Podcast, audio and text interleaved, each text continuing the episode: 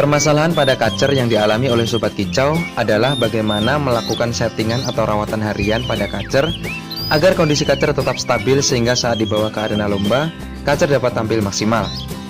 Dalam porsi pemberian ekstra puding ini bertujuan untuk memenuhi nutrisi dan menjaga birahi serta emosi si kacer guys.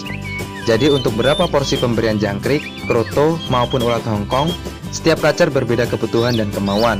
Yang harus kita pahami adalah untuk settingan harian, kita tidak perlu memberikan ekstra puding dengan porsi yang terlalu tinggi untuk si kacer. Kenapa? Karena ini dapat menaikkan birahi dan emosi si kacer. Kita perlu ekstra puding yang tinggi jika memang kacer kita ikutkan lomba. Lalu berapa jumlah atau porsi ekstra puding yang tepat untuk si kacer? Kembali lagi kita lihat gerak-gerik si kacer saat hariannya. Dengan porsi ekstra puding yang sudah kita berikan, jika kacer di rumah mau berbunyi, baik itu ngerewik ataupun ngeplong, itu pertanda kacer ada birahi.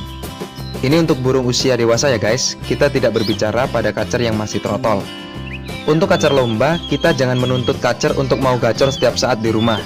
Kenapa? Karena ini akan menguras tenaga si kacer. Kita cukup bikin kacer di rumah mau berbunyi seperlunya. Tugas kita adalah mempertahankan birahinya, agar performa kacer saat lomba tetap stabil. Selain itu, kita lihat kondisi si kacer guys. Jika badan terlihat fit, artinya pemberian pakan utama berupa fur dan ekstra foodingnya sudah mencukupi kebutuhan si kacer. Oke guys, itulah tadi tips dari kita. Semoga dapat bermanfaat ya guys. Salam kicau mania.